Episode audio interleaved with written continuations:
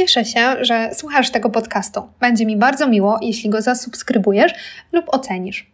Chciałam także przypomnieć o tym, że więcej treści znajdziesz na moim Instagramie Psychologia do kawy oraz na stronie nataliasadownik.pl.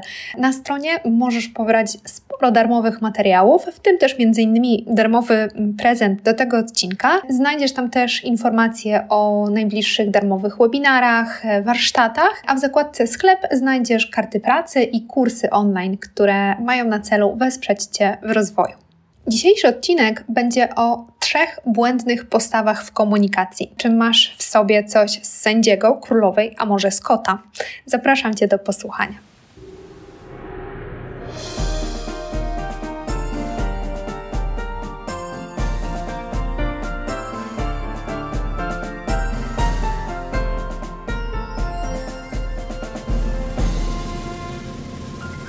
Niesamowite, e, że aż 70% problemów, to wynik e, z badań psychologa Tomasa Gordona, który specjalizował się właśnie w badaniu komunikacji, i on wykazał, że właśnie aż 70% problemów nie wynika z tego, że ludzie rzeczywiście mają ze sobą jakiś realny konflikt, ale z tego, że popełniają komunikacyjne błędy. Czyli to nieumiejętna komunikacja jest głównym źródłem problemów w komunikacji. E, I właśnie o takich błędach, o takich najczęstszych blokerach komunikacji dzisiaj opowiem. Wspomniany Thomas Gordon on wyszczególnił tak zwaną brudną dwunastkę, czyli 12 najczęściej występujących zachowań, które niszczą komunikację. E, te zachowania, 12 tych zachowań, pogrupował w takie trzy postawy. Pierwsza postawa to postawa oceniająca. E, myślę, że fajnie nazwać ją tak umownie postawą sędziego. Sędzia to osoba, która no, lubi wydawać sądy na temat Twojego zachowania, na temat Twoich uczuć, w ogóle sytuacji, w której Ty obecnie się znalazłeś. Najczęściej w komunikacji używa więc e, czterech z brudnej dwunastki e, i to jest etykietowanie, krytykowanie, diagnozowanie i chwalenie. No jak to się objawia? Etykietowanie no to przyklejanie takich łatek, uznanie, że skoro ktoś zachowuje się tak, to musimy go jakoś nazwać, żeby no, zrozumiał, jak się zachował. E, dzięki temu mamy takie poczucie, że jakoś tak lepiej wyraziliśmy siebie i to do tego kogoś tak, tak lepiej dotrze. Więc jak go nazwiemy leniem, draniem albo beksą, no to to będzie jakieś takie mm, no, umotywowane bardziej, że do, do zmiany tą, tą osobę bardziej tak jakoś zmotywujemy, o, może tak. E, natomiast etykietka to jest taka forma mm, przyzywania. Niby y, jest tutaj jakby tak... Mm, usprawiedliwiona tym, że, że ktoś zasłużył na taką ksywkę swoim zachowaniem, a nie na przykład, nie wiem, wyglądem, tak, jak czasami były przezwiska, ale no to jest takie trochę, takie trochę na siłę usprawiedliwianie. E, krytykowanie objawia się mm, taką negatywną oceną no, tego, co ktoś zrobił. Mm, więc to są takie stwierdzenia typu no ale jak mogłaś to zrobić, jak w ogóle możesz tak myśleć, słuchaj, to był błąd, tak, mm, totalnie e, źle się zachowałaś. Tutaj w krytykowaniu też bardzo często właśnie występują takie też toksyczne słówka komunikacji typu, bo ty zawsze, bo ty nigdy. E, fajnie one tutaj podkreślają tą naszą krytykę, dają takiej mocy, e, żeby też tutaj ta osoba, która, która krytykuje, no najczęściej jest celem jest, żeby ktoś tak dobitnie zrozumiał, mm, że zrobił według niej źle. Diagnozowanie e, to jest taka no, analiza czyjejś rzeczywistości e, razem ze wskazaniem ciągu przyczynowo-skutkowego. I no, najczęściej tą przyczynę umiejscawia się wtedy w rozmówcy, w tej osobie, która nam komunikuje jakiś kłopot czy, czy, czy, czy jakąś sytuację. E, no i tutaj może być coś takiego, no i to przez to, że ty nie umiesz się postawić, tak? Gdybyś tylko e, jakoś inaczej e, z tym mężem tutaj rozmawiała, e, to by było inaczej inaczej, tak? Gdyby ta e, żona nie była taka jakaś, to mąż by, nie wiem, nie odszedł, tak? Um, wiadomo, tak, że to się stało, ponieważ ty zrobiłaś to, to i tamto. Um, no i tutaj to diagnozowanie ma na celu rzeczywiście jakby takie pokazanie, że ktoś rozumie ten ciąg przyczynowo-skutkowy, że, że też tak chce mieć takie poczucie kontroli, że no, nie można stwierdzić, że coś po prostu się na przykład komuś przydarzyło. Nie, to trzeba już jakoś znaleźć jakąś przyczynę, żeby tak ten świat trochę e, nie był taki przerażający. E, no i chwalenie może się wydawać, bo to jest takie chwalenie z oceną, jakby, mm, że, że to jest coś dobrego. No, no nie zawsze. E, czasami, jeśli mm, to chwalenie polega na tym, że my chcemy pokazać komuś, że tylko mm, na przykład on jest w stanie coś zrobić, e, albo że zachował się tutaj po prostu jakoś super idealnie i tak mamy na celu e, poprzez to chwalenie sprawić, żeby właśnie ta osoba robiła dokładnie to, za co ją chwalimy, nie? Czyli no, no ale no ty tak doskonale e, tutaj, nie wiem, robisz ciasto jakieś, czy, czy ten, nie wiem, raport, tak? Więc trudno jest się z tego tak jakoś no, ktoś mnie tak chwali, ja teraz tak tego nie zrobię, mimo że twierdzi, że ja to tak robię najlepiej.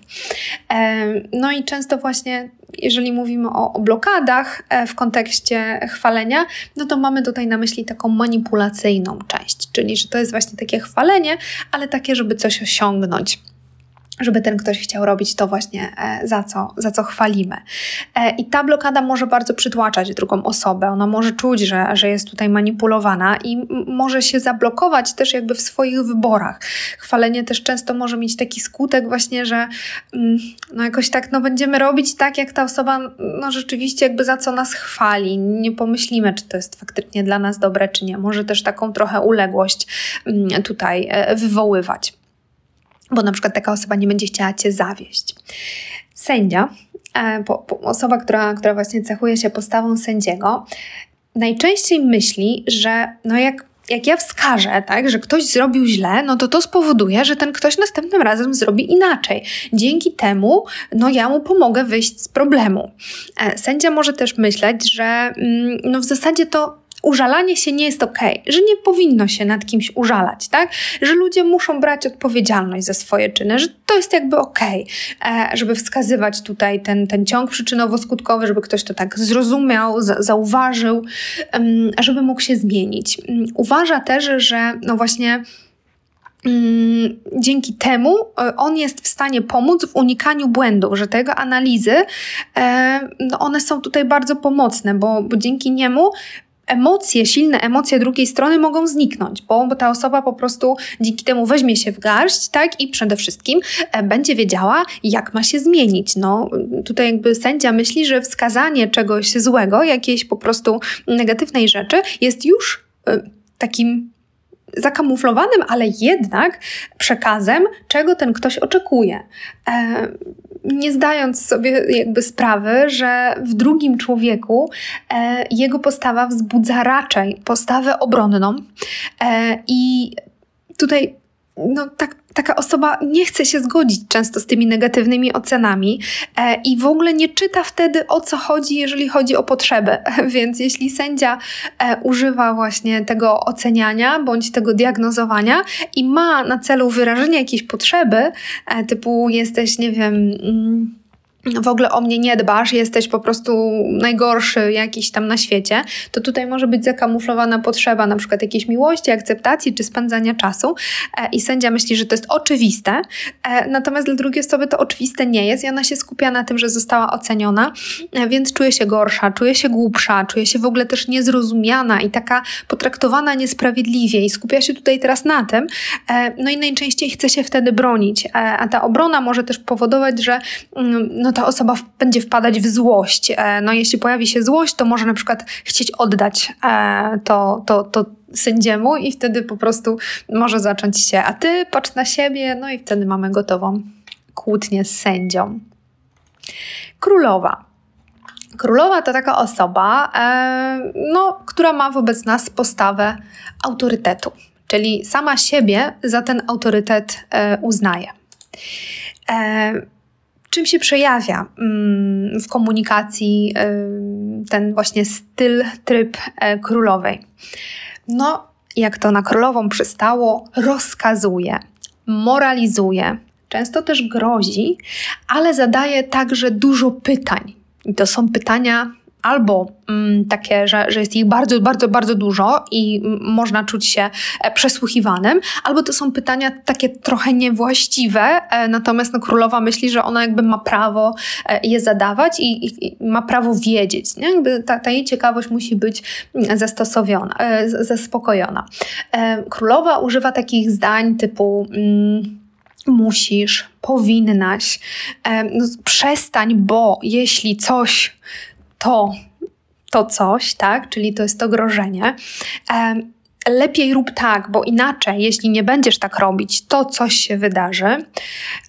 No albo też, no co cię podkusiło, żeby w ogóle to zrobić, tak? Zadaję takie pytania, które no niby są pytaniem do drugiej osoby, ale tak naprawdę zawierają już w sobie ocenę i stwierdzenie, e, że, że to zachowanie nie jest ok, że, że druga, druga osoba po prostu czuje się źle.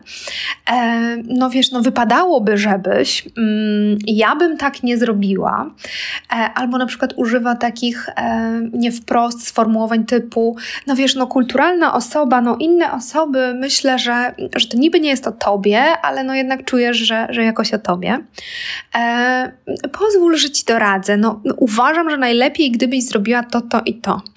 E, I te wszystkie pytania e, bądź nakazy, które używa, których używa królowa, one najczęściej e, prowadzą do tego, że druga strona czuje wstyd. Natomiast jeśli ty jesteś królową, to pewnie często myślisz, że no ty jesteś taką dobrą ciocią, że tak naprawdę no, masz doświadczenie w jakichś tam kwestiach, więc w zasadzie twoim obowiązkiem jest dzielić się tą wiedzą z innymi, mniej doświadczonymi. Chcesz jakoś po prostu pomóc im, tak? Chcesz, żeby im się żyło lepiej, chcesz rozwiązać ich problemy, widzisz, że są w jakimś smutku, że są jakoś, nie wiem, zablokowani, e, a ty masz w tym momencie lepszy jakiś nastrój i jesteś w stanie wymyślić jakiś pomysł, jakieś rozwiązanie, więc no po to chyba ten ktoś ci coś mówi, żeby, no żeby coś z tym zrobić. No i królowa ma takie poczucie, że no ona musi coś z tym zrobić, więc ona tu po prostu no, wymyśli to rozwiązanie, jakoś takie y, no, no, no narzuci, tak? Albo, albo no, no, że tutaj, nie wiem, jakoś społecznie na przykład ma też taką, e, takie, takie poczucie, że tutaj jest jakimś strażnikiem, tak? Tego na przykład ile ktoś będzie miał dzieci, kiedy będzie miał te dzieci, że tak czuje, że jest taka odpowiedzialna, żeby tak o to zapytać, jakoś tak o to zadbać dzięki, dzięki temu jej pytaniu. Więc no często właśnie traktuje siebie jako taką mm, dobrą ciocię e, i myśli, e, że, że no ona ma po prostu e, do tego prawo. Natomiast w odbiorze innych ludzi królowa jest uważana za osobę, która nie posiada empatii. E, królowa bardzo często myśli, że ona właśnie tą empatię bardzo dużą ma. E, I natomiast jest, jest traktowana jako ktoś, kto tej empatii nie posiada, e, kto też nie posiada akceptacji dla uczuć drugiej osoby. Stawia się też wyżej jako osoba lepsza, mądrzejsza, bardziej doświadczona, więc w kontakcie z nią ludzie czują się poniżani. Uważają, że właśnie królowa daje sobie prawo do pouczania, przesłuchiwania innych ludzi, żeby im pokazać, że oni nie wiedzą, że oni źle myślą, myślą i że oni tak bardzo jej potrzebują. E, no i może się wydawać takiej królowej, że ona jest jak Joda z Gwiezdnych Wojen. Natomiast inni w królowej widzą raczej Smurfa Mondrale. No i ostatnia postawa, postawa kota. E, kot cechuje się postawą obojętną. E, jego technikami to y, jest technika odwracania uwagi, technika rzekomej logiki i uspokajania. Kot w odpowiedzi na Twój problem powie, że mm, no słuchaj, a może pójdziemy na zakupy? Nie? Będzie chciał odwrócić właśnie tą uwagę. E, jakoś tak nakieruje na siebie albo, albo zupełnie na coś innego. Będzie też Cię przekonywał, że nie masz racji w tych swoich uczuciach, bo fakty są takie, e, jakie są. I będzie tutaj te fakty przedstawiał i będzie tak próbować ten logiczny punkt widzenia e, pokazywać, totalnie pomijając aspekt emocjonalny i w ogóle jakby też no, Twoją sytuację. E, a kiedy będziesz okazywała smutek e, bądź złość, e, to są takie emocje, których najbardziej koty nie lubią, e, no to będzie cię zachęcał, żebyś przestała to czuć. Czyli żebyś nie płakała, żebyś się uspokoiła, że już jest okej, okay, że słuchaj, zobacz, no przecież masz dach nad głową, masz co jeść, więc to, to, to nie jest powód do płaczu. Więc to będzie ta technika uspokajania kot często sam myśli o swoich problemach i on jakby nie jest pozbawiony, mm, no, no, no w ogóle jakby też siebie i, swoich emocji. Natomiast ma tą potrzebę, żeby ktoś go wysłuchał, bardzo często lubi też mówić o sobie, ale raczej w takim odcięciu od emocji. On chce raczej zrzucić ten swój ciężar. E, I on myśli tak, że dobra, no ja zapytam, co u ciebie? No to, to wystarczy, nie? Ktoś odpowie, ale wtedy kot już nie, nie ustosunkowuje się, nie mówi o tym, a okej, okay, u ciebie to i to, a jak się z tym czujesz, jakoś tak nie dopytuje, tylko po prostu raczej od razu przechodzi do mówienia o sobie. No ale też uważa, że no nie jest egoistą, no bo jakby nie było zapytał, co u ciebie, tak? Ty powiedziałeś, no to teraz jest jakby jego kolej. Myśli też tak, że najlepiej to mm, tak zbytnio w te emocje nie wchodzić e, i lepiej, mm, szczególnie takich skrajnych emocji, w ogóle unikać. Wtedy po prostu według kota e, żyje się łatwiej. E, uważa też, że lepiej stawiać na fakty. E, I no, te uczucia kojarzy trochę z jakąś taką słabością, a fakty z czymś właśnie takim lepszym, z czymś, co pozwala radzić sobie lepiej w tym świecie. No, nie za bardzo wie też, co z tymi emocjami robić, e, zwłaszcza publicznie. E, więc jeśli ktoś te uczucia wyraża, to kot ma takie poczucie, że trzeba pomóc tej osobie jakoś zachować twarz. E, więc jakoś ją uspokoić, tak, jakoś po prostu odciąć ją od tych emocji, żeby ona tam nie wchodziła w te emocje, bo kot uważa, że w tych emocjach tam jest tylko i wyłącznie zło, więc nie lepiej, lepiej tam nie wchodź, nie otwieraj tych drzwi. Lepiej się zdystansuj, więc tutaj ta zmiana tematu, tak, to uspokajanie, no wydaje się taką idealną formą, żeby pomóc drugiej osobie, nie być jakby w tych emocjach. W odbiorze z kolei koty są postrzegane jako osoby bez uczuć, którym nie zależy na drugiej osobie. Bardzo często jest taka osoba określana, że ona mnie zlewa. E, jako osoba, która myśli tylko o sobie i zupełnie w ogóle no, nie obchodzi jej to, co się dzieje u innych osób. Mm, też kotom przypisuje się takie mm, no, poczucie, że one są lepsze, e, bo są pozbawione tak, emocji. Pokazują, że one właśnie są takie logiczne i rzeczowe, a, a właśnie wskazują że, że te emocjonalne osoby są jakby gorsze. Mm, więc e, tutaj w kontaktach z kotami osoby, które gdzieś tam mają jakieś emocje, czują się właśnie często takie poniżone. E, co o tym sądzicie? Opisałam Wam trzy role, e, trzy postawy. One, każda z nich zawiera część właśnie spośród dwunastu no, błędów takich częstych, które, które popełniamy. Oczywiście jest tak, że, że kot może też popełniać błędy sędziego i w ogóle to jest raczej taka tylko. Um, no, dla takiego po prostu lepszego zrozumienia e, tego zostało to tutaj pogrupowane.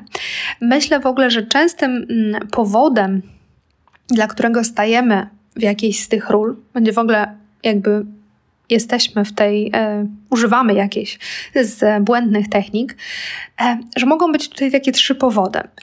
Po pierwsze, sami mamy negatywne doświadczenia z tym, jak ktoś nas traktował.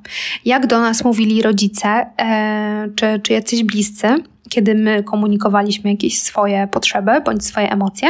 I my teraz powielamy te wzorce zupełnie nieświadomie. Unieważniamy uczucia innych ludzi, bo nasze uczucia były unieważniane. Nas to bolało oczywiście, i pewnie wielu e, z nas obiecywało sobie, że nigdy nie będziemy tak mówić do kogoś, no ale jednak ten wzorzec często jest silniejszy, jednak, jednak tak mówimy. E, I, I, sobie jakoś tego nie uświadamiamy. E, druga rzecz to myślę, że częstym powodem jest też, też po prostu niskie poczucie własnej wartości. Ciężko jest nam akceptować nie tylko innych ludzi, ale też akceptować siebie i po prostu brak tej akceptacji i to, to poczucie właśnie mm, tego bycia gorszym może e, szczególnie w takim momencie, kiedy ktoś nam pokazuje jakiś swój problem, czy jakieś swoje trudne emocje, to, to, to może nam dać taką możliwość, żebyśmy poczuli się trochę lepiej. Można wtedy tak, no jakby się trochę tak ukoić, tak, no, no ja takiego problemu nie mam. Co więcej, e, wiem, jak można go rozwiązać, tak, więc e, tutaj, tutaj dam radę umoralnie, jakoś tak to ocenię, tak, tak, tak się tym zajmę po prostu. Też dzięki temu nie będę musiał się zajmować, musiała zajmować swoimi e, emocjami.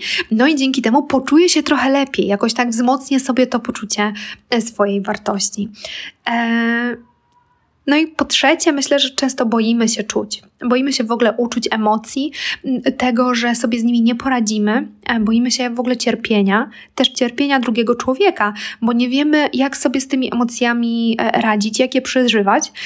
No i raczej specjalizujemy się i staramy się tak specjalizować w odcinaniu od tych emocji, zamiast w ich przeżywaniu i regulowaniu. I tutaj odsyłam Was do początkowych odcinków o emocjach, o tym, dlaczego są i jak można je regulować, bo bardzo często jest tak, że mm, jakoś chcemy e, dać temu drugiemu człowiekowi, ale może być nam trudno dawać, ponieważ samemu możemy mieć braki.